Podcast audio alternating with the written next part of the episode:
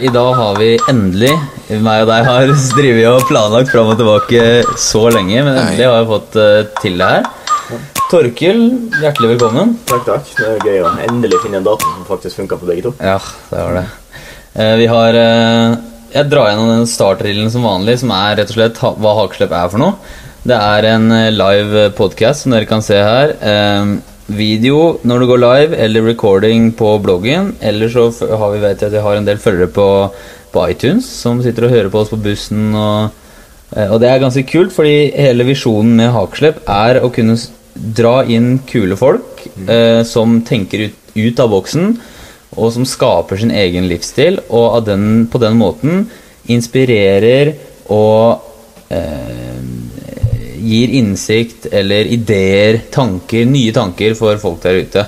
Det er hele visjonen for Hakeslepp, å bygge et community rundt folk som er open-minded. Open-minded, jeg finner ikke noe bra norsk ord for det. Nei, det er, det er ganske utfordrende. Det er ganske mange ord jeg har funnet som jeg bruker på engelsk, som jeg ikke klarer å oversette til norsk. Nei, du, det- du, du klarer ikke det, du heller? For jeg har fått litt feedback på det, og det vi burde jo få det til.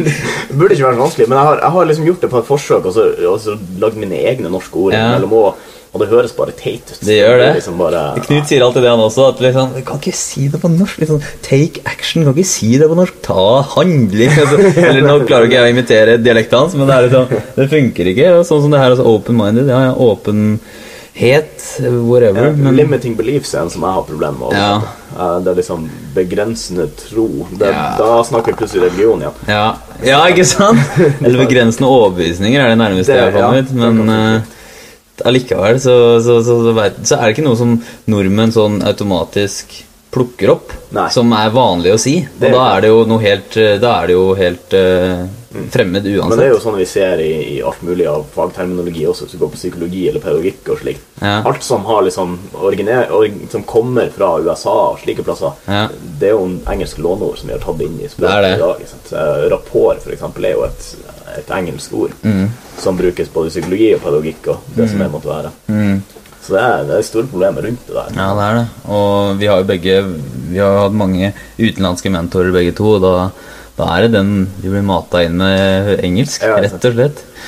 Altså, det, er, det er utrolig kult at eh, det her, vi kan på en måte være med folk eh, i livene deres og bygge community ut av det. Og det er på en måte deler av visjonen av Hakeslepp her. Og Du er en som jeg har tenkt på fra starten av. Jeg tror jeg har en liste hadde i hvert fall jo en liste bak her. Og med folk, der står det Der der. står det. Torkil. Og eh, av folk som jeg vil ha med rett og slett fordi du er et prakteksempel på en fyr som har levd et helt vanlig liv, og så har du et eller annet punkt radikalt skifta retning i livet ditt. Eh, og uten å ha noe mer introduksjon på den podkasten så har jeg bare rett, og slett lyst til å på en måte få høre hva er det som hva, Hvor var liksom turning pointet ditt? Uh, jeg tror det var opp til flere. Fordi at det første var jo gjerne at jeg jeg hadde gjennom hele livet som du sier, et veldig normalt uh, gjennomsnittlig liv. Jeg hadde min håndfull med venner som jeg hadde kjent siden jeg var liten. Og, og gikk skole, gikk på universitetet i Trondheim. Hadde deltidsjobb, trente litt, uh, festa litt. Uh, helt, helt normalt. Uh, men det skjedde veldig lite spennende i livet mitt, syns jeg sjøl. Okay. Uh, jeg satte jo veldig stor pris på de folkene jeg hadde der, men jeg syns jeg hadde rett og slett for få. Det var ikke, det var ikke nok, og, og ikke minst så var jeg uh, ikke bare singel, men, men ganske ensom også på det punktet. Jeg hadde ingen jente i livet mitt. Det Ok. var langt og lenge mellom hver jente jeg møtte, der det faktisk uh, utvikla seg mer enn enn vennskap. Så um, Så det var en frustrasjon, da? det var en stor frustrasjon for meg. Så det var vel egentlig der jeg begynte. Med at jeg fant ut at jeg måtte ta tak i meg sjøl. Jeg måtte gjøre litt med, med min selvtillit, selvfølelse. Og så rett og slett mine ferdigheter med andre mennesker. For jeg følte meg ukomfortabel rett og slett rundt fremmede. Så der jeg begynte. Og så snart jeg begynte å se hvor lett det faktisk er å gjøre endringer hvis du bare bestemmer deg og går inn for det Ja. Så ble det litt til at jeg, jeg begynte å se på andre områder i livet. For jeg innså at det var jo ikke det at jeg hadde lyst til å være omringa av jenter hele tida. Det var mer det at jeg hadde lyst til å være omringa av, av eventyr og, og spenning, og at ting skjedde. Eh, så ble jeg også inspirert av venner opp gjennom tida. 2005, og det var lenge før jeg virkelig begynte å jobbe med å, å bli flink, eller et årstid før jeg begynte å jobbe med, med mine ferdigheter blant, blant andre mennesker, så var det en kompis av meg som var ute og reiste et halvt år. Ja. Backpacking verden rundt. Og jeg husker jeg satt en vinterdag hjemme på hybelen i Trondheim og jeg tror jeg leste eksamen eller skrev en oppgave eller noe skikkelig kjedelig. Der han kommer på nettet, og så begynner vi å prate. Og da sitter han på ei lita strand nede i Fiji. Og liksom i sola. Man stikker innom en, en nettkafé. for. Sweet. Ja, ja. Og forteller om det som har skjedd i det siste, og været. Og jeg sitter og ser på snøstormen utenfor vinduet i Trondheim. Ok, noe, noe må endre seg. Det her går ikke. Ja. Jeg har alltid vært glad i å reise, for så vidt, men jeg har aldri noe, hadde aldri vært på noen store turer før det. Så det har vært flere på en måte avgjø små avgjørelser da hvor Ja. du har liksom satt foten ned?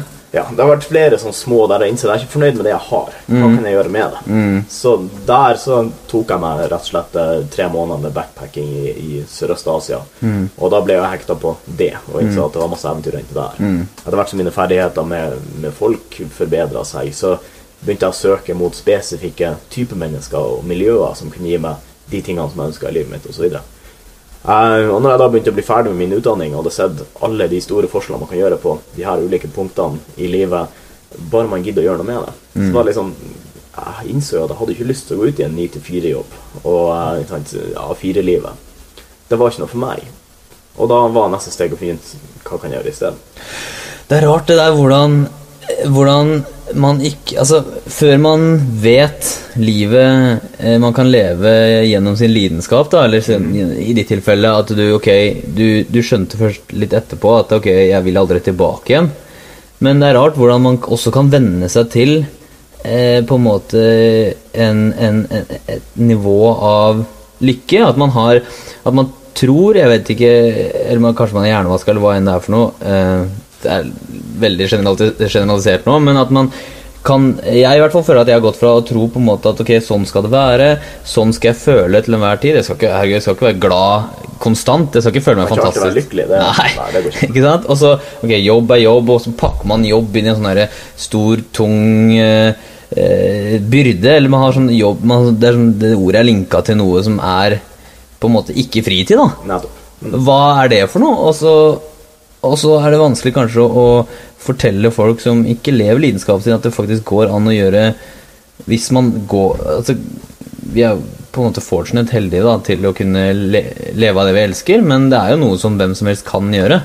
Ja, jeg tror at det er veldig skummelt for de fleste. Ja. Fordi at for å godta det at du kan faktisk gjøre mer ut av ting enn enn det du har, og du kan bli enda eh, lykkeligere enn det du er, så er du nødt til å gi slipp på noen eh, tro, noen beliefs, eh, tilbake til ordene, eh, som du har holdt på hele livet, som du har blitt opplært til, og som de aller, aller fleste rundt deg lever etter. Ja. Og det er veldig skummelt, for da setter du deg selv i en veldig sårbar posisjon for Ja. de fleste. Eh, men erfaring tilsier at det er nettopp det som man trenger for å få det lille sparket i ræva til Mm. å faktisk være dønn motivert og få det til å skje. At man trenger på en måte den motgangen, på en måte? Du trenger, du trenger å ta den sjansen. Du trenger Ja. å utsette deg sjøl for noe som faktisk er skummelt. Ja. Jeg flytta fra Trondheim til Oslo uten jobb, Mm. uten fast inntekt, uten noe som helst, for å jobbe med min lidenskap, og altså undervise i tingene som jeg sjøl hadde lært. Mm. Det der er så Det går så rett inn i Det går så rett inn i alt som har med vekst å gjøre, i den forstand at eh, hvis du skal være Si du driver med grappling. Nei, du driver med judo, gjør du ikke det? Drev, ok, ja. dreiv med judo. Eh, når du driver med judo, så kan du ikke gjøre det du kan best på trening til enhver tid. Hvis du fortsetter å gjøre det du kan best, så er det greit og komfortabelt, og du gjør det bra. Og det blir aldri noe bedre. Du blir aldri noe bedre. Og det er det du gjør når du kaster deg ut sånn som du sa akkurat nå. Du flytter ned hit uten å ha noen plan B. Hva skjer da? Du er nødt til å steppe opp. Du er nødt til å klare det. Du er nødt til å overleve. Ja. Og dersom du er forberedt nok til at du vet Altså du har de kunnskapene eller ferdighetene du trenger for å, å skape det som du ønsker, Ja. så vil det å ta den sjansen og utsette selv for den risikoen være den beste motivasjonsfaktoren du kan ha. Hell yeah. Det er så sant, ass. Så, så det, men det, det er det her med å gi slipp. Og veldig mange også har jo skapt seg, har jobba hardt for å skape seg noe sånn Mm. i etterkant kanskje ser ok, det var ikke egentlig det jeg ville ha, men nå har jeg investert så mye i dette at Mm. jeg må bare holde fast på det. Og det ser vi jo folk gjør på alle områder, enten det er jobb eller fritid eller forhold. Mm. Vi snakka om det på Hagslepp nummer 19 med Sam, tror jeg, tror det var nummer 19, hvor eh, det er så lett å hele tida jage etter noe og vente på Altså Man tar en utdanning for når at man blir ferdig med utdanninga, da kan man på en måte bli glad, lykkelig. Eller så jobber man for at man etter jobben skal Eller man bare får den bilen, eller man bare får den tingen, hva enn det er for noe. Og så, og så glemmer man at ok, det har gått 10, 7, 17, 25 år med venting eller Og hele tida går rundt og Jeg tror ikke at folk spør seg selv eh, Faen, hvorfor er det sånn i livet mitt? Eh, Når kommer det? Når kommer det? Jeg tror heller de på en måte I hvert fall erfaringsmessig Jeg eh, gikk og på en måte følte litt mer sånn under overflaten at ok, det kommer vel, hvor, når kommer det? Men jeg spør meg ikke selv de direkte spørsmålene sånn at jeg Det kommer aldri på overflaten, da. Nei. Når du, jeg tror at det er viktig å på en måte stoppe opp. Eh, Det her var det Sand snakka om. Stoppe opp, trekke blikket til fugleperspektiv, se på situasjonen sin og spørre selv er jeg faktisk lykkelig nå. Er det det her jeg vil? Er det det her jeg Når jeg står opp fra klokka ni til klokka tolv på natta, eller hva enn det er for noe, gjør jeg det jeg elsker? Eller gjør jeg ikke det? Kommer jeg til å gjøre det jeg elsker innen veldig kort tid? Eller ikke? Altså, ikke, ikke, ikke, ikke engang vente på at det kommer til å skje, men gjør jeg den i dag? Ja. Jeg, har, jeg pleier å si at folk lider av to sykdommer. Det er når jeg-sykdommen. Ja. Når jeg får det, når jeg gjør det, når jeg har skapt dette, når jeg er der, Ja. så kommer jeg til å være lykkelig. Ja. Og ikke før sykdommen. Og de lider gjerne av denne samtidig. ikke før sykdommen er Jeg kan ikke gjøre det før jeg har dette. Jeg kan ikke være sånn før jeg har det. Og når du går og sier at når jeg blir rik, så skal jeg bli lykkelig, Ja. men jeg kan ikke gamble på å bli rik før jeg har liksom, Dette Ja. begynner å bygge opp lag etter lag etter lag, etter lag ting. Det er en ond sirkel. Ja, det er en ond sirkel som, eh, som gjør at du bare du graver deg sjøl ned i et hull. Men hva tror du, hva, hvorfor er det sånn? Det er, noen, altså, er det sånn at noen må jobbe middelmådige jobber for å Det er visse arbeidsoppgaver i samfunnet som er som, som noen må gjøre? Eller er det sånn, tror du, at hvis alle hadde fulgt lidenskapen sin, så hadde de arbeidsoppgavene automatisert seg videre, eller? Jeg tror vel det at det er ikke så veldig mange som har lidenskapen som innebærer å sitte bak kassa på Rimi eller uh, tømme søppel. Nei. Men jeg tror at veldig mange trenger ikke nødvendigvis å jobbe med lidenskapen sin. De trenger å ha lidenskap i livet sitt. Ja. De kan, det er to måter å se på jobb på. To riktige måter, i, i min oppfatning. Ja. Eller min mening. Det ene er å se på jobb som den tingen du gjør fordi at du er lidenskapelig opptatt av det. Fordi at det er Ja. viktig for deg. Det er der du får din kreative energi fra. Det er der du får de stimuleringene som du trenger. Ja. Og det er en fantastisk måte, og det er noe jeg anbefaler for alle. Den andre måten er ikke nødvendigvis noe dårligere, den er bare annerledes. Den andre måten er å se på jobben din som noe du gjør for å kunne drive med lidenskapen din ved siden av. ja. Dersom lidenskapen din f.eks. ikke er inntektsbringende, så kan du jobbe for å ha penger til å leve. ja. Men da ligger ikke fokus av livet ditt på jobben din. Nei, nettopp. Og det er altså, jeg mener at hvis man Og det merker man jo. Jeg husker jeg jobba på Rema, og så eh, den siste perioden før jeg slutta på Rema, så skulle jeg spare opp til jeg tror det var eh, enten Afrikatur eller jeg skulle flytte til Lillehammer og bli student. Men det var i hvert fall i slutten av perioden så hadde jeg plutselig et mål med å jobbe på Rema 1000. Og da jobba jeg ikke bare mye bedre, men jeg var mye Jeg følte meg bedre på jobben også. Ja, absolutt. Men jeg tror også, samtidig som det du sier her, så tror jeg også at det går an Folk vil bli overraska over hvor mye det går an å tjene penger på Absolutt. når man virkelig Absolutt. brenner for det. Det, altså, du kan tjene penger på stort sett alt. Ja. Det er et marked for alt. Det er bare å, å skape eh, det du kan levere til det markedet, eller finne det markedet. Ja, Så der er jeg helt enig med deg. definitivt. Og så er det litt sånn at eh, når man eh, eh, Ok, nå overenk, Jeg gjør det kanskje veldig enkelt når jeg sier det sånn, men jeg tror faktisk at hvis du gjør noe Altså hvis du har en lidenskap, og du ekspresser den lidenskapen ut til så mange som mulig, og for å gjøre det, så må du tørre å gjøre det. Da må du tørre å vise at du er lidenskapelig for det, og du må tørre å vise det til folk. Det som da vil skje, er at folk Du får oppmerksomhet, og det vil spre seg, og du vil få mer og mer oppmerksomhet. Og i 2012 så er det ikke vanskelig å gjøre oppmerksomhet om til penger eh, i, den, altså i den verden vi lever med, med, med PC, internett, rett og slett. Så er det så lett, så, så, så ja, som du sier, man kan nesten leve av hva som helst. Ja, altså. altså du kan det. Uh, Det er bare spørsmål om hvor mye du er villig til å investere i det, og hvor Er det her en lidenskap som du ønsker å leve av? Er det ikke? Jeg har venner som er lidenskapelig opptatt av eh, kunsten, men da tenker jeg ikke sånn tradisjonell kunst, så tenker jeg mer jeg lager sine egne tegneseriestriper, Jeg lager bilder til venner og venninner og slike ting. Ja, jeg ting som de er ufattelig flinke til, Ja. men som de ikke nød, de, har, de sier de har ikke lyst til å selge dette. For da blir, det, da blir det en jobb. Okay. Så for dem så er det vanskelig å skille mellom hva som er Altså lidenskap og jobb Ja. er et stort skille for dem. De har ikke lyst til å slå det sammen, for de frykter at hvis de begynner å tegne for andre, så må de plutselig begynne å tegne på kommando istedenfor å tegne Ja, ja, selvfølgelig. Så du har der Det er jo selvfølgelig løsninger på det også. For Ja, jeg får løsninger med en gang, men ja, jeg skjønner hva du mener. At eh, det er en, man har ikke lyst til å selge sjela si. på en Nei, måte. og, og jeg tror der at der er en sånn mellomvei som veldig mange kan gå. Der du, hvis du vet hva lidenskapen din er, begynner å, å fokusere livet ditt rundt den, og så gjør du jobb for å kunne gjøre lidenskapen Mm. Og når du da er klar, eller når du da har etablert deg, når du da har fått den inspirasjonen du trenger for å tjene Mm. penger på lidenskapen uten at det gjør det noe billigere, eller uten at du føler du selger, Mm. så, så tar du den muligheten. Ja, og jeg også tror at muligheten kommer til deg med en gang du begynner å følge den lidenskapen. Eh, si det er maling, da, eller tegne striper. Og du fortsetter å gjøre det, og du helt uten å tjene noe på det, uten å kreve noe som helst, men fortsetter å bringe verdi til verden i form av latter eller i form av eh, bra kunst, eller hva det enn er for noen gode følelser. Så det som skjer da, er at hvis du fortsetter og aldri stopper, så får du så mange muligheter til å, å gjøre, de, gjøre den Du har gitt såpass mye verdi der ut at eh, å kunne dra inn 10 eller 20 lapper på det i måneden for å overleve, gjøre hva du vil eh, Det er såpass lite, og de mulighetene vil komme til deg sånn hvis man bare fortsetter og fortsetter. Ja, man må, man må være dedikert nok til Ja. å jobbe med det for å skape det, men at det er mulig, det er det ingen tvil om. Det har jeg sett gang på gang. Ok, Men eh, du har jo Nå sitter vi og snakker på en måte litt eh, også som, som flyter litt inn i eh, Du holder på å skrive en bok. Ja, eh, jeg er ferdig å skrive bok. Jeg var ferdig å skrive bok for ca. ganske nøyaktig et år siden. Oi. Jeg sendte den inn til forlagene i fjor sommer, og um, alle som har hatt med forlag å gjøre, vet at ting tar tid. Ja. Så i ja, jeg husker ikke hva det var, men eh, kanskje et halvårs tid siden, Ja. så fikk jeg endelig svar fra Aschehoug forlag om at de ønsker å gi ut den boka. Sweet. Så siste halve året så har det vært samtaler frem og tilbake med dem, og redigering. Og jeg har sittet de siste to døgnene og redigert um, boka for 18. gang.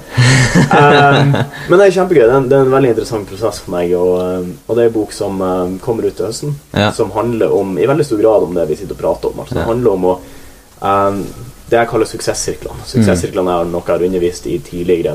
Blant annet hos Passion Immersion. ja. Så suksesssirklene er basert på det at hvis du, hvis du klarer å mestre de elementene i suksesssirklene, som er ting som selvtillit, ferdigheter, endringsvillighet, eh, andre mennesker, nettverksbygging og slike ting, så vil du kunne skape det du ønsker i livet ditt. Enten det er en, en enkeltreise, f.eks., eller om det er et karriereskifte, eller om det er endring av ditt sosiale liv, eller hva det måtte være. Eh, Så den boka blir eh, da gitt ut på Aschehoug forlag i september.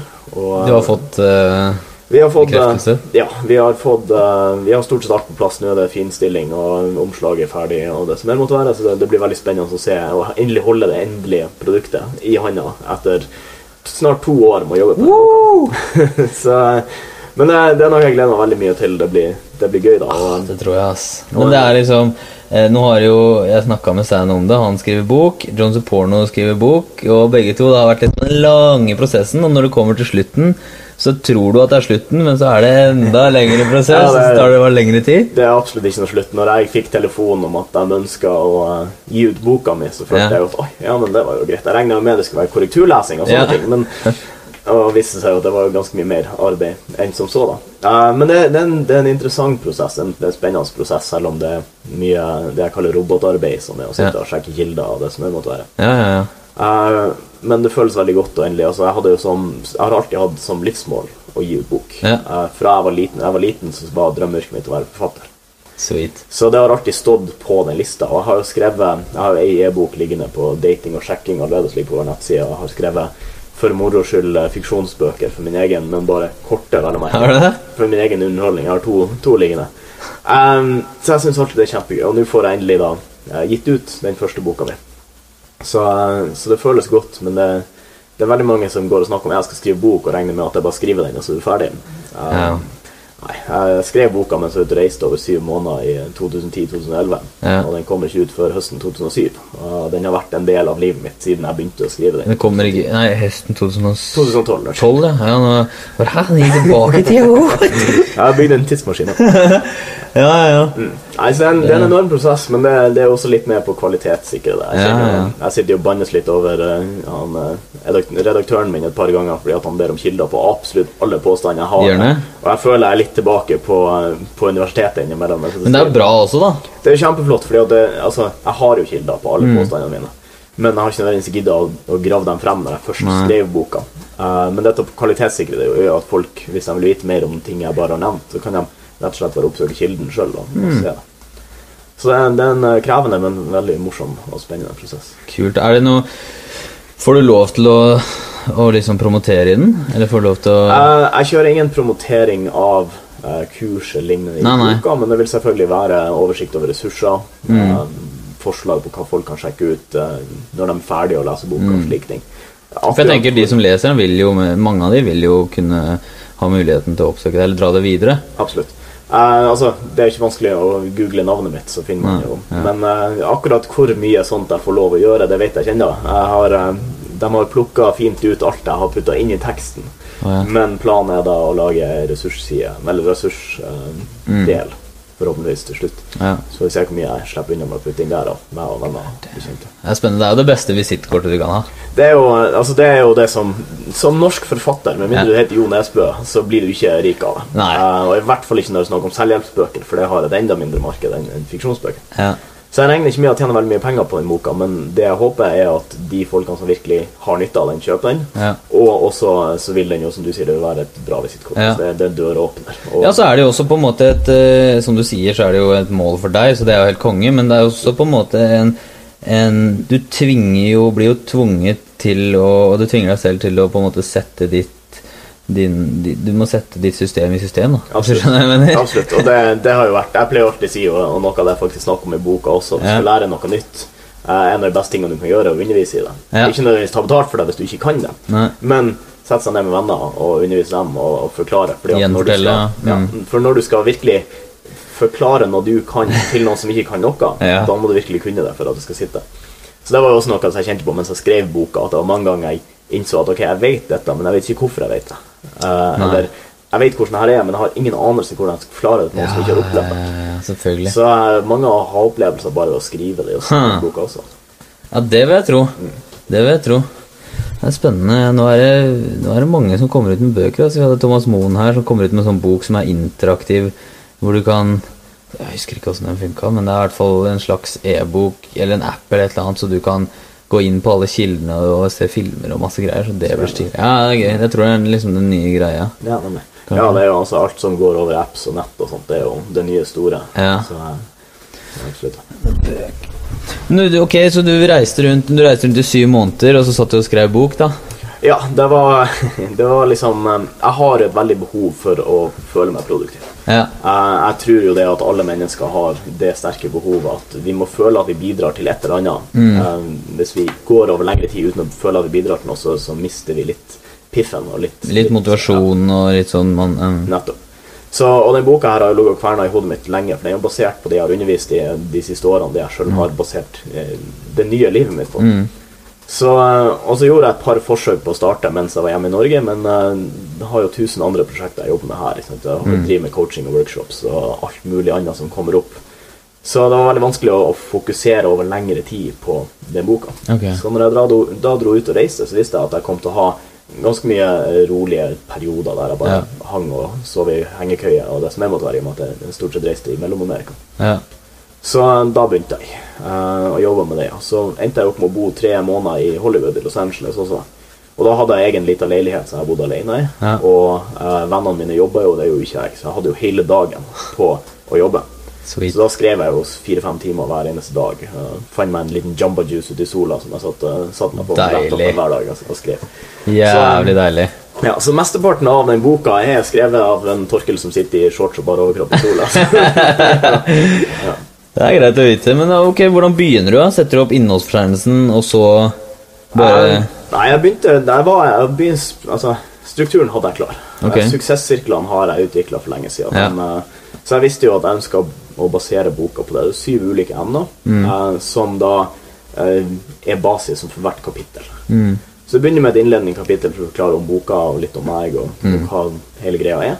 Og så begynner vi bare rett på suksesssirklene, så jobber vi Mm. oss gjennom hvert eneste tema helt til slutt med boka, og så er det en kort avslutning til slutt. Mm. Så jeg begynte rett og slett bare på første tema i suksesssirklene, og så satte jeg meg ned og så skrev jeg om første tema selvtillit. Mm. Og, og satte meg rett og slett ned og bare begynte å skrive ei bok om selvtillit, ei kort bok om selvtillit. Ja, nettopp. Og så beveger jeg meg i det neste emne etterpå, og så sørger jeg for å holde den røde tråden mellom hvert Ja, ja, så kan du gå gjennom det etterpå. Ja. Ja, men jeg behandler hvert kapittel som ei egen fullverdig bok, slik at man skal kunne bla opp hvis du ser at du har selvtillit på orden, så kan du kunne bla videre til de Ja. senere kapitlene og bare starte der du, du har lyst til å starte. Kult at du brukte selvtillit som eksempel, for vi har jo vi har en workshop som kommer opp i juni som dreier seg om selvtillit. Så derfor er det kult å kunne høre med deg eh, Hva er det Jeg husker du sa tidligere i podkasten her at du, du, du mangla litt selvtillit. Du ville lære å få selvtillit, du, og nå har du på en måte skrevet, Nå er du midt oppi å skrive en bok om å, og, og hvordan få selvtillit. ikke sant? Hva er det som er essensen i Hvordan kan en fyr som ikke tror på seg selv, begynne å tro på seg selv helt ut av det blå? Det er et, et veldig vanskelig spørsmål. Ja. Og jeg skulle ønske jeg kunne oppsummert det i bare en enkel setning, så jeg hadde fått alle til å gå aha. Ja, For da skulle jeg bli blitt rik på den setningen. Men, men sannheten er at, at uh, altså det største steget for meg, og det største steget jeg har sett hos veldig veldig, veldig mange av de jeg jobber med, som har slitt med selvtillit, er å klare å godta at du er god nok. Mm. Um, og der igjen så er det så vilt ulikt hva hver enkelt person trenger for å, å tørre eller klare å godta det. Ja, ja helt enig. For det er altså å vite at du er god nok for hva som helst, vil automatisk gjøre at du trenger ikke å ha dårlig selvtillit lenger, fordi at du vet jo at du er god nok. Eh, Det eneste du trenger å se på da, er hvilke ferdigheter trenger jeg for å mestre den situasjonen bedre. Mm. Men å, å gå fra For enkelte så er det rett og slett så enkelt å, som å vite at det er greit å godta seg sjøl. Det er greit å elske seg sjøl. Det er greit å være komfortabel med seg sjøl. Ja. For enkelte tror at eh, liksom, janteloven og alt det her vi, Det er ikke meningen vi skal synes bra om oss sjøl, for da er det noe feil med oss. Mm. Uh, mens andre trenger å legge litt mer grunnleggende arbeid i. Og eh, som sagt, jeg skulle ønske jeg kunne oppsummere det Nei, men Jeg er helt med, og det er eh, det, er- det, det, du også sier med evner og sånn Man er nødt til å på en måte skille litt eh, Man kan ha selvtillit innenfor et område, eller ja, La oss bruke judo igjen. da Ikke sant? Du kan ha selvtillit innenfor judo, men du kan ha null selvtillit når det kommer til sjekking eller å være rundt damer. Eh, mens når man, når, man, når man kommer til den punkt i livet hvor man kjenner at man har en ekte kjerneselvtillit. Og jeg tror det kommer gjennom de, de opplevelser eller nye tanker, ideer, nye kretsløp i hjernen. Eh, et, noen som sier noe. Rett og slett aha-opplevelser, gjennombrudd, som skaper de nye kretsløpene. At ok, bam! Jeg er bra nok. Jeg er god nok, og jeg, jeg holder uansett. Jeg er mer enn nok. Da kan man være usikker foran en jente eller i judo og allikevel ha bra selvtillit. Absolutt. Eh, det, er, det er det at man ikke er komfortabel i en gitt situasjon, trenger ikke bety at man er dårlig selvtillit. Det trenger bare bety at man ikke vet hvordan man skal håndtere den situasjonen. For den er ny. Jeg har sett noen av de mest cocky, arrogante og selvsikre menneskene jeg kjenner, Mm. uh, usikre som små barn fordi at de var i en situasjon som de har ingen anelse hvordan de skal Mm. håndtere. Så de to er, som du sier, veldig atskilt. Um, og så er det evige spørsmålet Er det slik at man uh, må først bygge god selvtillit for å bli uh, flink til å, å være selvsikker, eller må man lære seg ferdighetene til å være flink i noe for å bygge god selvtillit? For meg så går de der to hånd i hånd. Ja. Man jobber på begge samtidig. Så om du ønsker å jobbe på kjerneselvtilliten din for å, å bli mer komfortabel med deg sjøl i enhver situasjon, så gjør du det, og så jobber du med ting, altså dine egne interne prosesser. Samtidig så kan Som du jobbe på ferdighetene som du trenger for å vise det her utad, for å, å være komfortabel i mm. situasjonene. Ja, for du kan ikke sitte Det hjelper ikke altså, Selv den lille ranten jeg hadde der, så når alt kommer til stykket, så kan du ikke sitte nede i kjelleren eh, 24 timer i døgnet og bare vite at du er bra nok, og så bygge selvtillit på det. Du Nei. må ut, du må ta handling, eh, du må, er nødt til å pushe komforten din og få tilbakemeldinger om at ok, det her funka, eh, jeg fikk god feedback fra andre, eller jeg får bra feedback fra meg selv, eller, og trene da, hele Ja. tida på en måte Du kan i stor grad sammenligne med en ferdighet. For det er samme prosessen. Jeg kan gi noen som aldri har sykla før, ei bok på sykling. Han kan lese den 100 ganger. Men før han faktisk setter seg på sykkelen og prøver, så kan ikke han sykle. Sant, altså. uh, og for selvtillit så kan du lære deg alle de gode, smarte tingene å tenke på og slike ting. Men mindre du faktisk går ut og gjør ting, Ja. så vil det hjelpe veldig lite. Ja, Det høres ut som det kommer til å bli en dritbra bok. Det gjør det. Ass. det. Ja, ja, ja. Jeg, jeg, jeg husker du har sagt at du har jobba som megler tidligere. Og det er, Nå hopper jeg til noe helt annet. Konfliktmegler, vel å merke. Konfliktmegler. Ja, ja, ja. Ikke hus... Eiendomsmegler, men konfliktmegler. Um, der, da, da, da er jeg nysgjerrig. Hva er det som er typiske trekk for at folk klinsjer i, i, i s- eh, samtaler og i kommunikasjon? Og hva er typiske eh, metoder du hjalp de med å løse de kommunikasjonskonfliktene? Eh, For å gi litt kjapp bakgrunn på jobben min Jeg jobber på eh, Studentsamskipnaden i Trondheim. Så, så meglinga mi foregikk mellom eh, beboere, studenter som bodde på studentbyene, som enten bodde i samme kollektiv eller på en eller annen måte i nærheten av hverandre, og derfor krangla. Okay. Det kunne være manglende vask eller bråk, eller Wow. de ikke likte hverandre. Okay.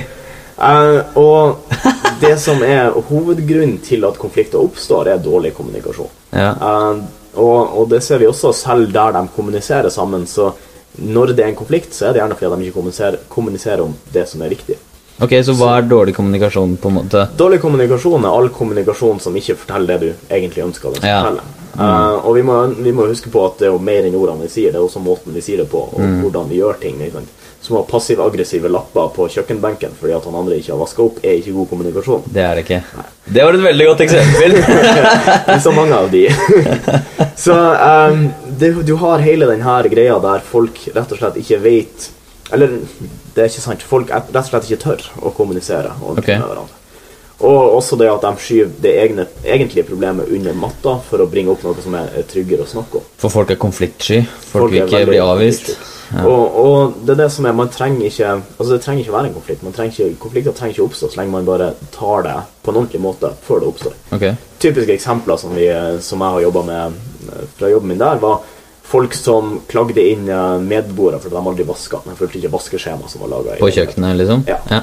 Så tok vi en samtale der, og de hadde da, det hadde jo eskalert til det punktet der de nå ikke ville snakke med hverandre. Ja, Og så du for det blir jo større og større oppi hodet sitt. Nettopp. Og så sitter du der, så har du den ene på ene sida av bordet, andre på andre sida av bordet, og så skal du få begge to til å komme til en enighet om hvordan det her funker. Ja. Og i åtte av ti tilfeller så innser du at den vaskinga var egentlig det som var problemet. Nei. Problemet er gjerne helt andre ting. At altså, de kommer ikke overens. Den ene har gjort noe som andre ikke liker, eller hva det måtte være, som gjør at de ikke liker hverandre. Men vaskinga er lettere fordi det er noe fysisk de kan ta tak i, i stedet for å si at jeg trives ikke med å bo sammen med denne personen pga. av hans personlighet, f.eks. For det er mye skumlere. Da går vi på, i angrep. Eh, og da har vi egentlig ingenting annet å backe det opp med enn våre personlige preferanser og oppfatninger. Det er ganske interessant. Ja, så det, det handler, De fleste konflikter handler ofte om underliggende årsaker. Altså ikke det som vi tar tak i. Og det ser vi også i forhold eller blant venner. Ja, jeg skal akkurat si det. Ikke bare i forholdet blant venner, men du ser jo også i kommunikasjon med deg selv. Ja, ja, absolutt. At du, ok, du røyker, men hvorfor røyker du? Eller du gjør en eller annen uvane som du gjør pga. noe underliggende. Det, det er jo så å si alltid. Ja, altså I, i psykologien så kalles det kognitiv dissonans. Når Ja. du sant, har en handling som ikke matcher det du egentlig tror på eller vil. Mm. Og der blir det en konflikt. Og ofte så er grunnen til at konflikten er der, at vi ikke klarer å være ærlige med oss sjøl, eller at vi ikke tør å dykke dypt nok i eh, årsakene til at vi gjør det vi gjør. Eh, så vi ser det jo gang etter gang. Så, så de beste måtene å løse slike konflikter på, enten de er utad eller, eller innad, er rett og slett bare å sette seg ned og så se over det. Og, det viktige er å ikke henge seg så veldig mye opp i skyld. Eh, eller um, liksom, hva var det som startet det, men hvordan kan vi løse det? Ja. Og hvordan kan vi unngå det problemet i fremtiden? Det er liksom en utfordring når man har Man har jo tross alt et ego å ta vare på, Torkil.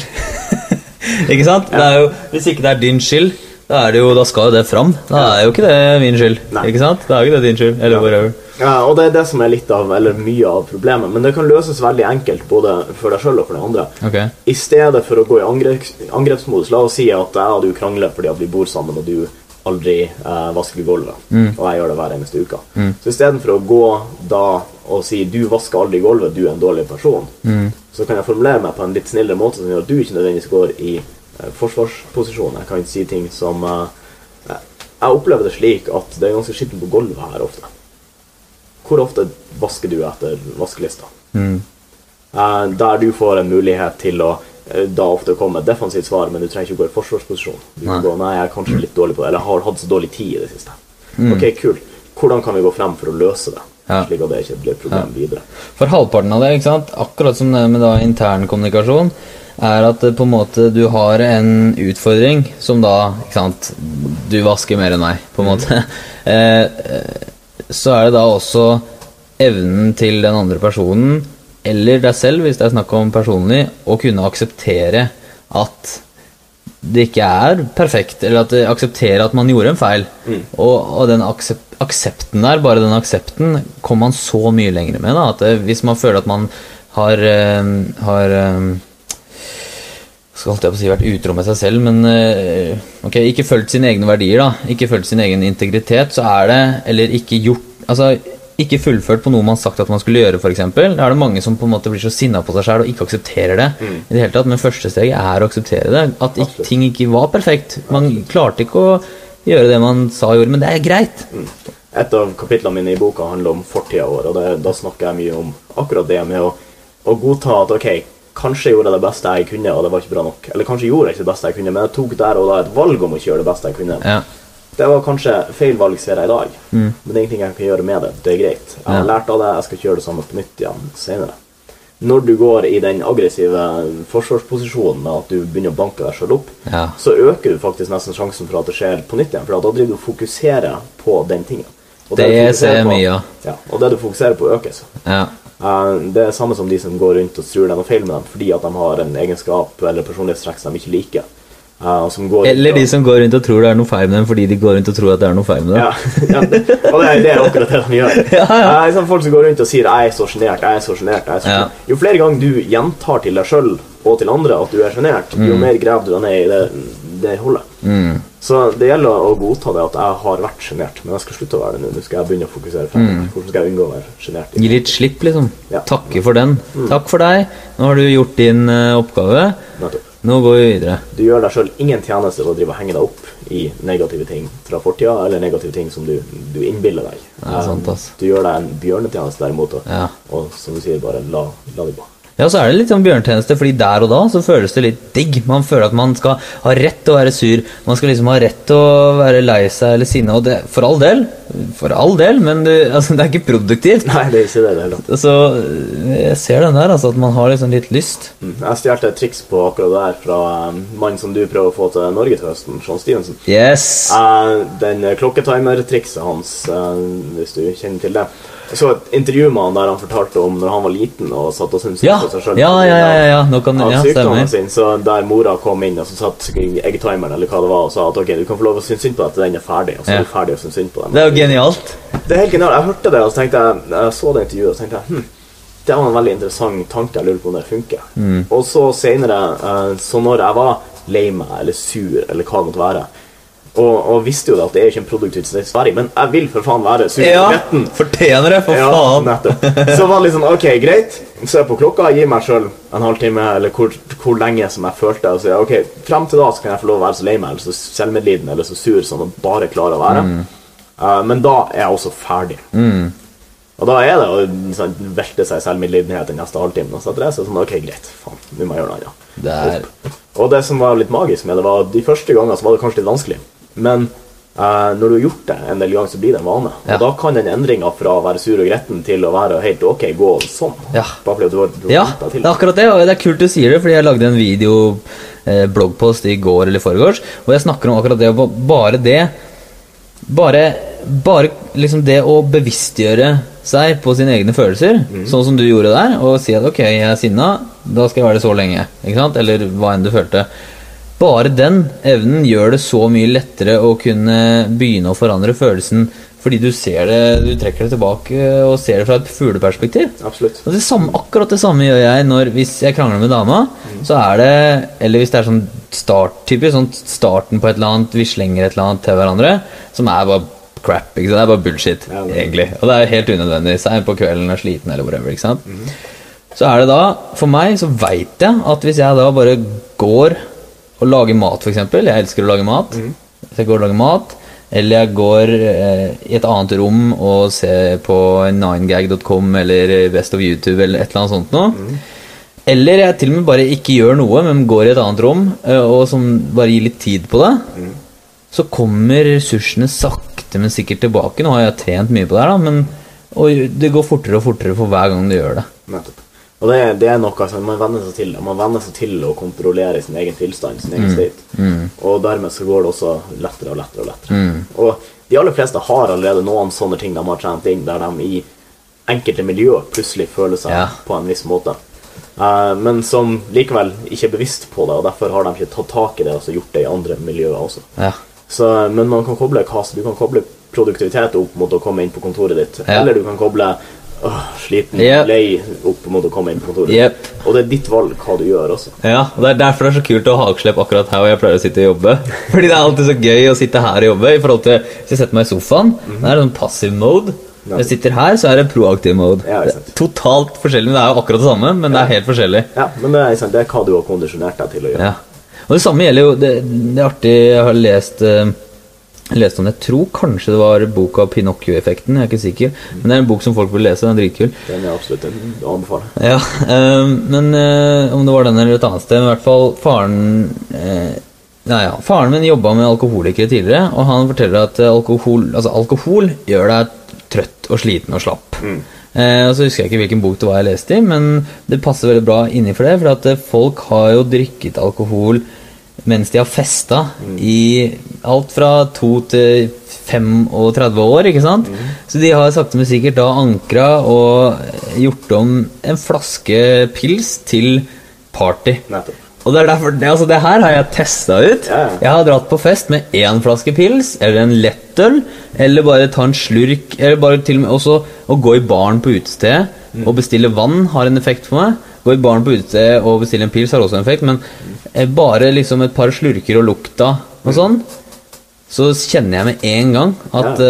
uh, for, at uh, tilstanden forandres. Ja, det, det er artig at du sier det. Jeg pleier å, å snakke om akkurat det på kursene mine ofte. Jeg husker jeg holdt et seminar en gang, det var en 30-40 stykk i salen. Og så gikk jeg gjennom noen sånne typiske myter som folk tror på, men som ikke stemmer i det hele tatt. Ja. Og en av dem var den siste var liksom at alkohol gjør deg feststemt og i godt humør. Ja. Og, og jeg ser formelig hvordan liksom ansiktene i salen bare forandrer seg. Fordi Frem til da så hadde liksom alle vært liksom Å ja, så interessant at det her ikke, de her tingene som vi har trodd på, ikke stemte. Og kom til den, så var det full motstand og defensivitet. Og spesielt, spesielt blant menn. Ja. De blir veldig sånn Nei, det her trodde de ikke på. Og så, og så sier jeg som du sa, at okay, hvis, hvis alkohol var noe som gjorde deg glad og feststemt, Ja. eh, så ville jo alkoholikerne i parken sett ganske mye annerledes ut. Ja. Altså, ja, kanskje et poeng der. Liksom. så snakka om ankring og, det du nettopp uh, henviste til. Og, og det er fantastisk hvordan folk ankrer ting og tror at pga. at vi opplever det sånn i det miljøet, så er det sånn. Grunn, Ja, ja. At, på grunn av at jeg alltid får vondt i hodet når jeg kommer på jobb, så er det noe dårlig, altså, så er det noe feil med jobben min. Ja. Det er noe feil med arbeidsplassen min. Mens eh, så frem til ikke luftkvaliteten er noe dårlig, så er det mest sannsynlig bare det at du har ankra den der følelsen Yep. til å komme inn døra. Og så er det rart hvordan vi eh, nesten koste hva det koste vil, prøver å holde fast på den overbevisningen. da At eh, ok, alkohol, det, det er det, det Altså det, det kommer man i feststemninga. Sånn er det. Jeg vet det. Og så er det Det er så lett å falle inn uansett hva man driver med, og hva man gjør. Så jeg buster meg sjæl i det hele tida. Så er det så lett å fang, bli fanga i en boks hvor du tror på et eller annet. Og du setter deg selv i en kategori. Det er sånn Ok, jeg er kristen. Eller jeg er øh, øh, Jeg er utålmodig. Jeg er øh, Hva enn det er for noe. Du setter på en måte en boks på eh, Til og med jeg er jeg, jeg er eh, demokrat, for eksempel. Bare til altså for å dra det helt uh, ut, da. Ja. Så er det, så er det uansett en ulempe å sette seg selv det er, lett, det, er, det er gøy å se hvordan folk setter seg selv i bås, og jeg gjør det hele tida sjøl. Altså, det er en normal ting for folk å gjøre. Og Ja. at så vil de ikke, de vil ikke ut av den boksen, Nei, nei. koste hva det koste vil. For det betyr jo at de, da har de jo mer tid og, og, og energi og kanskje penger de investerer i den boksen, jo mer verdt er den for dem. ikke sant? ja. For folk er livredde til å gjøre slipp på noe som er kjent, noe de har. Noe. Ja. Og det, som er, det er det som jeg ser ofte hos folk som kommer på kurs, og coachingklienter har som ønsker å for eksempel endre på måten de forholder seg til ting. Mm. Det de ofte, det de nesten alltid er ute etter, er teknikker. Ja. Når jeg sier ok, jeg, jeg kan alltid si deg f.eks. samtaleteknikker for nettverksbygging, men det kommer ikke til å hjelpe deg noe før du endrer på den troa at du er uinteressant, du er sjenert, du er innadvendt, du er sant, alle de tingene her. For det er der det ligger. De fleste vet hvordan de skal prate med folk, for de prater med venner. Mm. Men de identifiserer seg sjøl som sjenert og usikker, så da oppfører de seg sånn rundt andre. Mm. Og de nekter å gi slipp på den, fordi det er en del av deres identitet. Ja. Uh, og det er det samme som å være demokrat, eller å være Ja. hva som helst. Hvis man ser at ok, det her funker ikke, så vil man likevel tviholde på det fordi at det er noe som har vært en så stor del av livet vårt. Hvordan, hvordan kommer man seg ut av sånne bokser? For meg så har det vært liksom jeg hele tida eh, hører på nye ting, jeg prøver, tester nye ting, og jeg, jeg hører på podcaster hvor folk er open-minded og stiller spørsmålstegn til hvordan vi gjør det i dag. Ja. Hele tida stiller spørsmålstegn til hvilke metoder vi bruker nå. Visjonen vår er jo å forandre skolesystemet. Vi har stilt et spørsmålstegn til hvordan skolesystemet funker.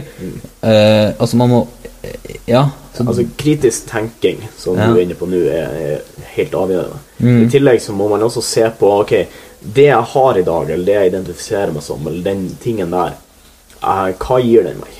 Ja. Og funker den for det jeg ønsker å oppnå? Hvis den tingen ikke funker for det du ønsker å oppnå, så må du gjøre en endring. Og da må du se på endringsvilligheten. Er du villig til å gjøre den endringen? Hvis du ikke er villig til å gjøre den endringen, så må du også innse at den tingen du ønsker å oppnå, kommer du ikke til å oppnå. ja. Uh, og da er tydeligvis den viktig nok for deg. Så kanskje det er den som må bytte ut. Kanskje må du finne noe annet du ønsker å oppnå. Eller kanskje er det bare det at du er redd for forandring, eller til og med redd for suksess. Um, og slik ting. Så inspirasjon, som du snakka om, å, å lytte på folk som allerede eh, har peiling, og som gjør de tingene, som lever det livet, er fantastisk eh, godt verktøy. Eh, introspeksjon, der du setter deg ned og virkelig går over dine egne ting. Er A riktig for eh, målet mitt, Ja. eller må jeg skifte det ut med B? I så, hvis du må skifte ut med B, så gjelder det bare å finne ut hvordan jeg gjør det på best mulig måte. Ja, også, eh, også, eh, også liksom Prøve å kartlegge hvilke verdier og hvilke overbevisninger man har. da Det kan være innafor hva som helst. Altså Folk eh, Folk kan, er villige til å vedde livet sitt på to forskjellige overbevisninger på mange områder i hele i verden. Noen er helt sikre på én ting, som andre er helt sikre på stikk motsatt. Da må man være villig til å teste. Altså For meg så er det sånn jeg, eh, Det var noen som sendte meg en link til noe sånn herre Det var en fyr som ville heale folk gjennom skjermen på dataen. Og for meg, det første jeg tenker, er liksom Altså, Da går bullshit-alarmen med en gang. Absolutt. Men samtidig så er, gjør jeg meg sjæl en da, da er jeg jo hypocrite hvis ikke jeg i det minste leser om det, tester ut, eller eh, snakker med fyren, eller hva enn det er for noe, hvis ikke jeg tester ut, da. Ja, altså, Fordi, ja. Jeg, jeg har den oppfatninga at det er helt greit å ha noe du sterkt tror på. Mm. Uh, fordi at jeg har sterke ting jeg, Altså, alle må ha det. Mm. Men du må være åpen til å A. Innrømme at du tar feil. Ja. Og B. I hvert fall gjøre en ærlig innsats for å undersøke det, uh, ja, det vi snakker om. Da, Ja. For å se om det faktisk eh, er noe i det, eller om det ikke er noe i det. Jeg tror også det at det er veldig lite som er eh, svart eller hvitt. Det er veldig lite som er ja eller nei. Jeg er på ingen måte en spirituell person, og jeg, jeg tror på veldig lite som jeg ikke kan bevise med vitenskap.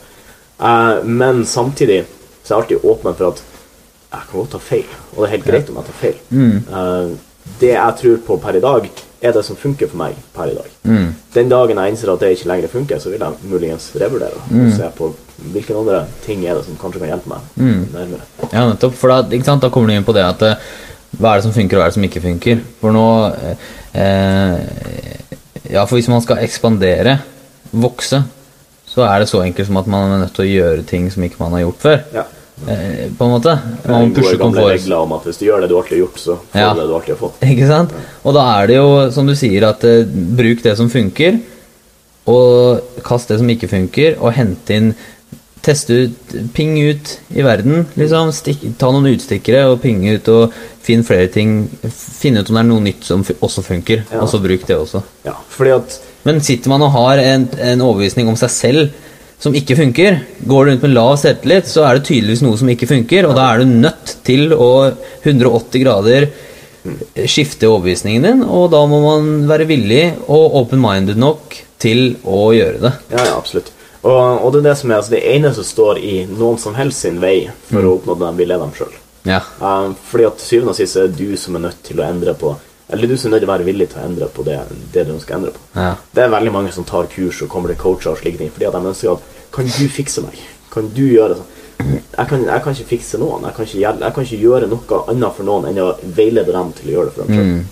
Og det, er- det er veldig mye gjennom verktøyene, gjennom innsikten, gjennom kunnskapene. Det kan jeg gjøre. Men det er dem som er nødt til å bruke disse verktøyene for å, for å oppnå målet. Jeg er så, jeg er så enig. Så, så til alle som rett og slett går rundt med lavt selvbilde eller, eller altså ting i sin personlighet som de ikke liker, så handler det rett og slett bare om å komme over det og rett og slett bestemme deg for hva er det hva ønsker jeg å erstatte dette med. Mm. Akseptere det, la det ligge, takk for deg, og så begynne å, å, å Ja, nettopp som du sier. Det er noe som jeg merker Det som du sier, er at folk har en resistance til å forandre seg selv eller gjøre forandre... Altså, det er veldig sånn Ja, skal vi se Få orden på tankene dine her.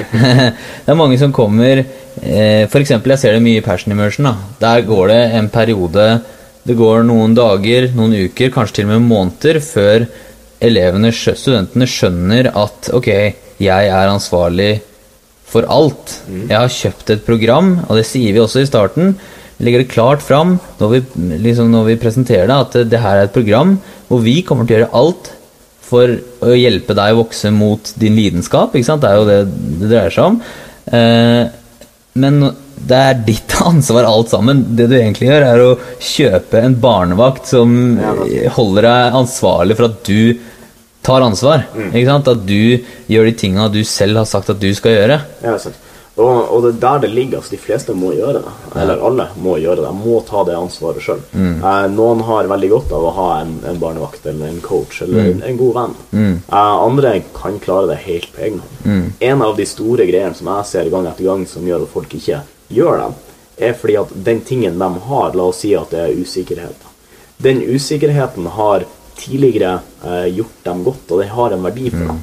Det er en hidden benefit. Ja, nettopp. Uh, det har en verdi for dem, for Må begynne å snakke norsk, ass. Det er vanskelig. Eh, Det har en verdi. For eksempel så ser jeg at veldig mange som identifiserer seg selv som sjenerte og usikre, føler at verdien de får fra det, er at de slipper å gjøre ting som er utenfor deres komfortsone sosialt. De kan sitte der og, og være lei seg fordi de er sjenerte og usikre, men det er bedre å være lei seg enn å være redd når de skal frem og gjøre de tingene som de ville måtte gjort hvis de ikke var sjenerte og usikre. Så det er noe folk må være redd for. Altså den frykten for suksess, den frykten for å eh, faktisk ta stegene for å få suksess, ligger i der. Fordi at det betyr at da får du ikke lenger lov til å holde deg unna de skumlere tingene, eller de tingene som, som uh, usikkerheten har beskyttet deg. Det, der, altså det kjenner jeg også på, liksom. Jeg kjenner på at ok, nå som jeg har jeg har valgt å være helt gjennomsiktig, kaste meg ut i det, og jeg er jo, alle veit jo hva jeg gjør. Alle veit hva jeg sier. Jeg er helt uh, gåstegn naken på alt. Eh, og da merker jeg at jeg har jo et press på å være den beste meg. Ja, absolutt. Ikke sant? Og det er jo Det er bra, men det er også eh, ofte at eh, Altså, det er all the way bra, men så er det ofte at jeg har lyst til å liksom bare eh, synke sammen og bare Ja, men eh, Ja, ja. finne på masse unnskyldninger, eller bare sette meg på mammas fang, ikke sant? Eller sånn, sånn, sånn ta man, Man, man vil ha litt pause innimellom. Ja. Man vil kunne jeg, jeg Men så er det jo bra ting at man, eh, man burde, Akkurat som man burde ha standard til seg selv, så burde man jo ha standard til, til vennene sine. Og det er jo det mine venner har til meg, og de som følger meg sånn, at eh, de har en viss standard til meg. Da får jeg standard til meg sjøl også. Da, Ja. Det er altså For oss eh, så er sånne ting, eller i hvert fall for meg, mm. en motivasjonsfaktor. Mm. Ja. Det er noe som hele tida jeg, jeg føler ikke jeg kan sette meg ned og, og slutte. Nei, Fordi du kan at- ikke slutte Jeg, nå. jeg kan ikke slutte å være den beste meg, Fordi det er jo det, er jo det jeg gjør. Det er Ja. den jeg er. Og, og det er fantastisk, Fordi at innimellom så blir man sliten og lei. Mm. Eh, men det man gjør da, er at man skrur på den eggtimeren igjen, og så gir man seg sjøl litt tid til å bare ta pause fra alt og alle. Mm. Eh, og så henter man seg inn igjen. etterpå. Mm. Ja. Det er, eh, det, er, det er godt sagt, da. Spesielt det der med de som De vil heller være lei seg og komfortable enn på en måte eh, kaste seg ut i frykten for avvisning og potensielt få suksess, men potensielt mislykket også. Exakt. Altså, den, den, å pushe den komfortsona er Mm. veldig veldig skummelt for mange. Og jeg tror et av problemene med det, apropos komfortsone, er rett og slett at veldig mange når de tenker på å pushe komfortsona si, eh, tenker for stort, for langt. Mm. Eh, den vanlige modellen på komfortsone er at du har komfortsone her, og alt du vil ha, eller nesten alt du vil ha, ligger utafor den. Mm. Og alt utenfor komfortsona, det der må du bare ut og presse etter. Og det er for så vidt sant nok, det, men jeg pleier å legge til en, en ekstra sone. Der du har komfortsonen din, og så har du rundt komfortsonen din så går det det som vi kaller, eller jeg liker å kalle strekksonen. Og utenfor strekksonen så er panikksonen. Ja. Vi ønsker å unngå panikksonen. Ja. Panikksonen er der hvis du gjør det fordi at det er såpass langt utenfor komfortsonen så, så kommer alt til å låse seg, og så kommer det kun til å bli en traumatisk negativ opplevelse. Mm. Men vi ønsker alltid å befinne oss i strekksonen, for jo lengre du er der, jo lenger unna skyver du ja, Mm. Panikksonen, jo, jo større blir komfortsonen. Så um, for de som er redd for å ta de stegene utenfor komfortsonen, så handler det om å ikke, ikke tenke for stort. Ja. Uh, når jeg har liksom, Jeg jobber jo en del med, med dating og sjekking og slikt. Og når jeg tar gutta med ut på daygame, og første gang de skal gjøre det, Mm. så er det mange som føler at nå skal de ut i panikksonen sin. For Mm. de tør knapt å si hei til jentene når de er fulle, og nå skal de ut på lys, altså lyse dagen og ta kontakt med jenter som kanskje til og med går sammen med vennene sine midt Mm. på gata. Det, eh, så da sørger vi for at de som opplever det som en panikksone, da tar vi et steg tilbake og så gjør vi heller noen enklere øvelser så vi bygger opp mot det. Mm. Eh, og da blir folk komfortable med å pushe komfort- komfortsonen. Mm. Så da trenger de ikke egentlig være uh, usikre og lei seg. De kan være nervøse og spent Mm. uh, i stedet for å være eh, panisk. Eller Ja.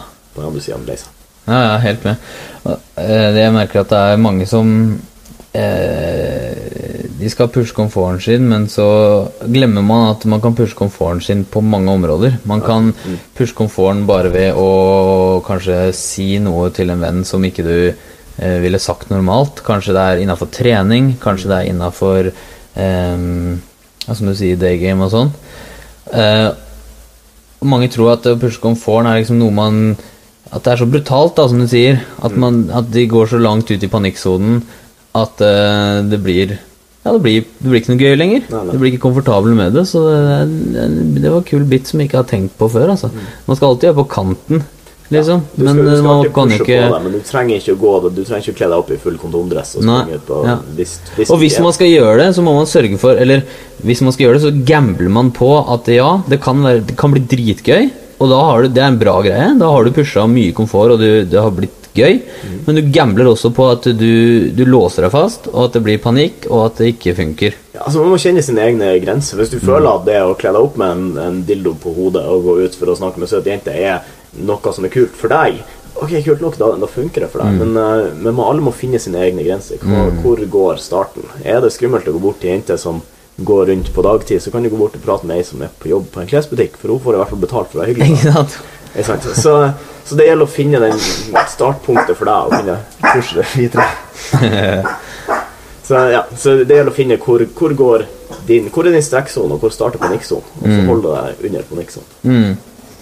Ja, den var, den var fin. Den var fin. Står det i boka det òg? Det står nok ikke i boka mi foreløpig. Vi snakker ikke så mye om komfortsonen der. Ah, ok. uh, Jo, uh, vi, du har uh, Det vil jeg snakke om. Fordi det her er noe som vi Vi har jo mye Vent to sekunder, skal jeg bare Bianca! Ja, kom, da. Bianca ser, ser Hvis hun ser en eh, Se der, ja. Hvis hun ser en eh, noen som går i hagen, hvem som helst, så er det liksom Hvem er det? Hvem er det? Skummel vakting. Ja. Ikke så veldig skummel, men Det var nydelig, da. Gå og legg deg litt. Det er griseøret ditt. Jo, vi har jo Altså, det er gøy når vi sitter og snakker, så har vi så mye felles at det klaffer jo, ikke sant? og så vi har, vi har også relativt lik bakgrunn med tanke på at vi, vi, har, sta, vi har kommet inn i datingmiljøet og sånn. Vi har mange av de samme mentorene. Vi er begge interessert i selvutvikling og går den veien videre. og Autentisitet Altså, autentisitet Herregud. Autentisitet, er det det heter? Eh, og den veien der. Eh, og så er det noe annet som du skal fortelle om, som eh, Eller som jeg vil at du skal fortelle om. Som er et, et, et videokurs som du har snakka om. Ja. Uh, det her er noe som jeg har uh, holdt veldig sånn under min egen hatt. Jeg vet. Uh, fordi at Det er det derfor er jeg syns det er kult. uh, Det er noe jeg jobber med. Ideen har jeg hatt jeg vet ikke hvor lenge. Men veldig lenge så har jeg tvilt litt på en del elementer med det. Jeg måtte finne ut hva er de riktige måtene å gjøre det her på. Så i vinter så bestemte jeg meg. Da begynte brikkene å falle på plass, og så har jeg jobba med strukturen rundt det produktet, eller hva det kommer til å være til slutt. da. Eh, og spurt litt rundt omkring og snakket med folk om hva de ville synes var bra osv. Mm. Og nå eh, nå er vi i sluttfasen. Nå kommer det Det kommer til å være et, et ganske stort uh, Det kommer til å være et enormt produkt, egentlig. eh, som Jeg kommer ikke til å- drøpe for mange detaljer, men hovedsakelig så er det retta mot single menn som ønsker å ha, forbedre sine sosiale ferdigheter og også sine ferdigheter med jenter. Og det blir på en måte et slags eh, abonnementsprodukt. Så det er ikke slik at du kjøper en stor pakke for masse masse penger. Du er med så lenge du ønsker å være med. Eh, opp til de seks månedene som hele kurset varer. og så bestemmer du sjøl. Du kan betale måned for måned hvis du vil, eller eh, ja. Eh, der du hele tida får ny informasjon, eh, nytt materiale og nye oppgaver og utfordringer. Og, og ganske mye spennende. Vi har drevet og filma masse i det siste. Jeg har flydd rundt hele byen med kamera både for å, å filme day game sessions og for å filme demonstrasjonsvideoer og det som mer måtte være. Og, og nå veldig veldig snart, i løpet av de neste dagene, så går jeg i gang med å filme studiomaterialet vårt. Altså selve under, undervisninga. Jævlig kult. Det er, det er veldig spennende for meg. Har aldri jobbet med noen videoprodukter før. Så det er, det er kjempespennende for meg å, å være med på den prosessen og se hvordan Ja. det funker. Så jeg har fått en ny lidenskap der i at jeg Ja, er ja. plutselig veldig interessert i å, å lage video. Det er Um, dritgøy. Det er, det er Redigerer du det sjøl og sånn, eller? Um, både og. Jeg har en del Jeg har et ganske stort eh, ressursnettverk som tar seg av de tingene som jeg ikke kan. Ja. Og så, eh, og så driver jeg og lærer så jeg kan gjøre mer og mer sjøl. Ja. ja det, for grunnen til at jeg introduserte med at vi har så mye likt, er for at vi er i planleggingsfasen av noe av det samme, men det er ikke Jeg tror det kommer til å skille seg ganske bra ut fra Jeg tror det kommer til å bli en ganske fin complimentary greie. Det- det, så start, kommer vi til å starte mye senere enn deg, regner jeg med. Ja. Så, men det Ja, er vi er- kult, altså. Jeg får Jeg har eh, Jeg, har, jeg drev og skyver frem eh, lanseringsdatoen, for jeg hadde egentlig tenkt å gjøre det nå i, eh, i mai, men så dro jeg plutselig til Thailand et par uker, så var jeg sjuk litt, og så var det masse Ja. som skjedde. Så. Eh, så jeg har som personlig mål å starte den første testgruppa, beta-testgruppa, nå i eh, juni. De skal ligge foran alle andre, slik at dersom de ser noe problem med, med systemet det videre, så kan de Og det gjør de, Også. garantert. Det er garantert. uh, så vi har den, den testgruppa først, som gjør at alle de som kommer senere, alle de, de som faktisk eh, betaler for det og vil være med, dem, eh, de skal få et så godt som, eller så nært så feilfritt som vi klarer å få. Da. Mm. Eh, så sånn sett også så kan vi nevne at um, de som skal være i testgruppa vår, er tidligere studenter av oss. De er ennå ikke plukka ut, men det kan være litt sånn utlodning der blant dem. Mm. Og eh, så tenkte jeg som så, siden jeg er her og du har mye følgere, at vi kunne ta en av dine gutter også. Kult. Uh, så helst en gutt. Vi er ikke negative til jenter heller. Og for å kvalifisere, for å få, få muligheten til å være med på dette, så rett og slett bare gå inn på nettsida vår på genuine-connections.com. Eh, der finner du et kontaktskjema, og skriv meg en e-post om hvorfor du burde være med i den testgruppa. Mm. det vi ser etter, er rett og slett noen som faktisk kommer til å følge opp på det her programmet over et halvt år. Som er motivert til å jobbe med det og gjøre utfordringer og oppgavene. Ikke bare som ser videoene og gjør tingene bare for å gjøre dem, men Ja. som faktisk er interessert i å Ja. fremgang. Det er det som er utfordringen med å lage produkter. Som med Summiten og, og workshopen også. Workshopen er lagt opp så handlingsbasert som du får det. For hver time så er det to timer handling, ikke sant?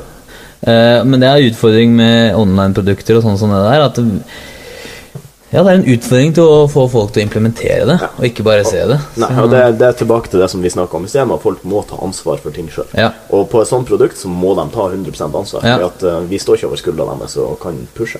Det er kult, altså. Gutta som hører på, skriv Torkel en eh, mail hvis dere er villige til å liksom, Hvis dere har lyst til å steppe opp innafor der og ta handling på det, ikke bare er nysgjerrig eh, spectator Det her, altså, det, Her kommer så mange engelske ord automatisk. Er? Tilskuer som, eh, som ikke ønsker å, å, å skape sjøl, så er det ikke noe vits. Men hvis du er en av de Så det, det vil være et seks måneder omfattende program der du hver eneste uke har ting å jobbe med, har ny inspirasjon. Har ny, jeg, altså på seks måneder så klarer jeg å dele det aller meste av det jeg har å dele med folk.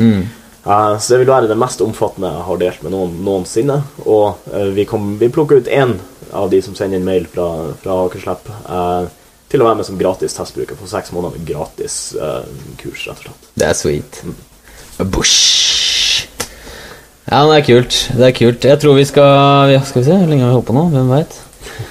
Men eh, jeg tror vi, vi, vi, vi begynner å avslutte. Jeg skal nevne Nå er det to uker igjen til vi har vår store eh, Core Conference Workshop, som jeg nevnte så vidt. Eh, det kommer til å være tre dager som er veldig intensive. Eh, deltakerne kommer til å være, bli godt kjent med hverandre, for å si det sånn. Det kommer til å være hele dager, så å si. Eh, hvor, hvor det da, som jeg sa, er én time teori og to timer eh, eh, to timer handling.